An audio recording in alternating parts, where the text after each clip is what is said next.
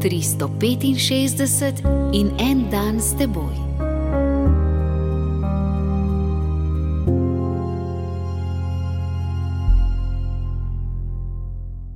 Iz prve Samuelove knjige, 15. poglavje, tretja vrstica.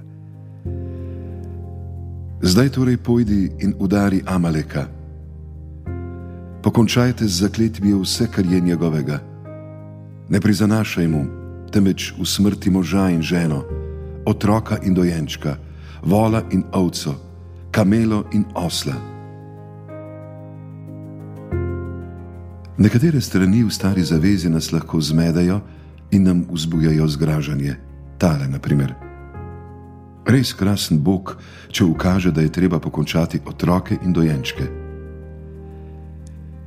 Sveti pisec prejme navdih za pisanje, da bi razodel božjo voljo. Vendar pa ne piše po nareku, temveč si svobodno pomaga s svojo kulturo.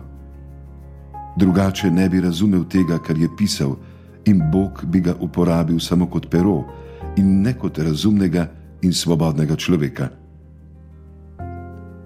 Samuel ve, da bi Savel rad delal po svoji glavi in mu veli naj uboga Boga.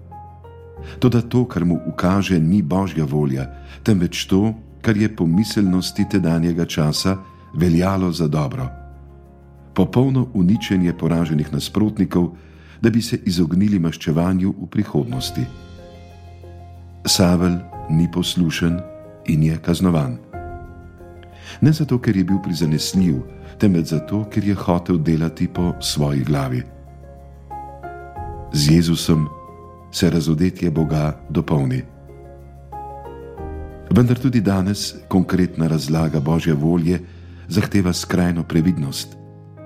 Vedno namreč obstaja nevarnost, da bomo Božjo voljo zamenjali s svojo glavo.